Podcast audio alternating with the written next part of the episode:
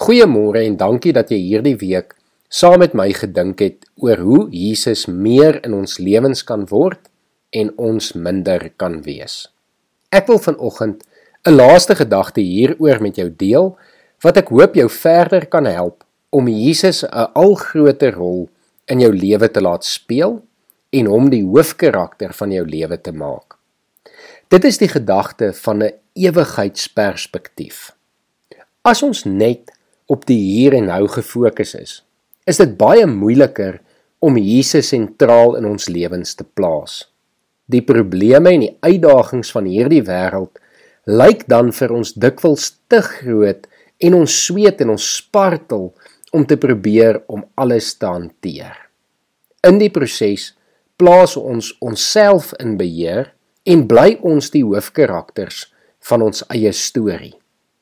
Maar Die oomblik wanneer ons ons fokus skuif na die ewigheid, dan verander ons prioriteite. Dan begin ons probleme en uitdagings perspektief kry en help dit ons om te besef waarheen ons op pad is. Omdat ons op pad is na 'n ewige lewe saam met Jesus, is dit dan dus baie makliker om ook Jesus hier en nou die middelpunt van ons lewens te maak. Ek wil vanoggend twee gedeeltes aanhaal wat hierdie konsep vir ons baie mooi verduidelik en uiteensit. Die eerste een is in Hebreërs 12 vers 1 tot 3 waar ons lees: Terwyl ons dan so groot skare geloofsgetuies rondom ons het, laat ons elke las van ons afgooi, ook die sonde wat ons so maklik laat verstik, en laat ons die wedloop wat vir ons voorlê met volharding hardloop. Die oog gefestig op Jesus die begin en die volëinder van die geloof. Ter wille van die vreugde wat vir hom in die vooruitsig was het hy die kruis verduur sonder om vir die skande daarvan terug te deins en hy sit nou aan die regterkant van die troon van God.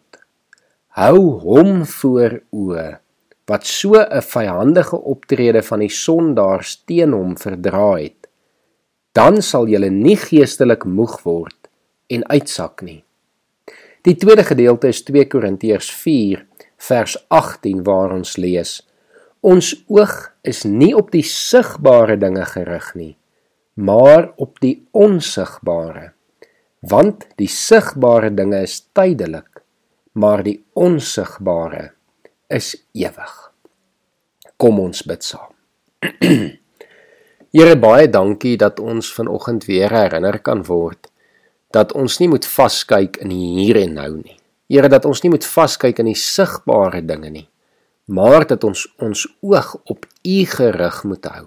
En as ons ons oog op U gerig hou, Here, dan kan ons ook U in die middelpunt van ons lewens hier plaas, Here.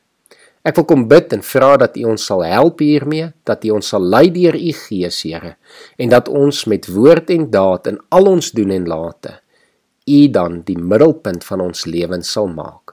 Ek bid dit in Jesus se naam alleen. Amen.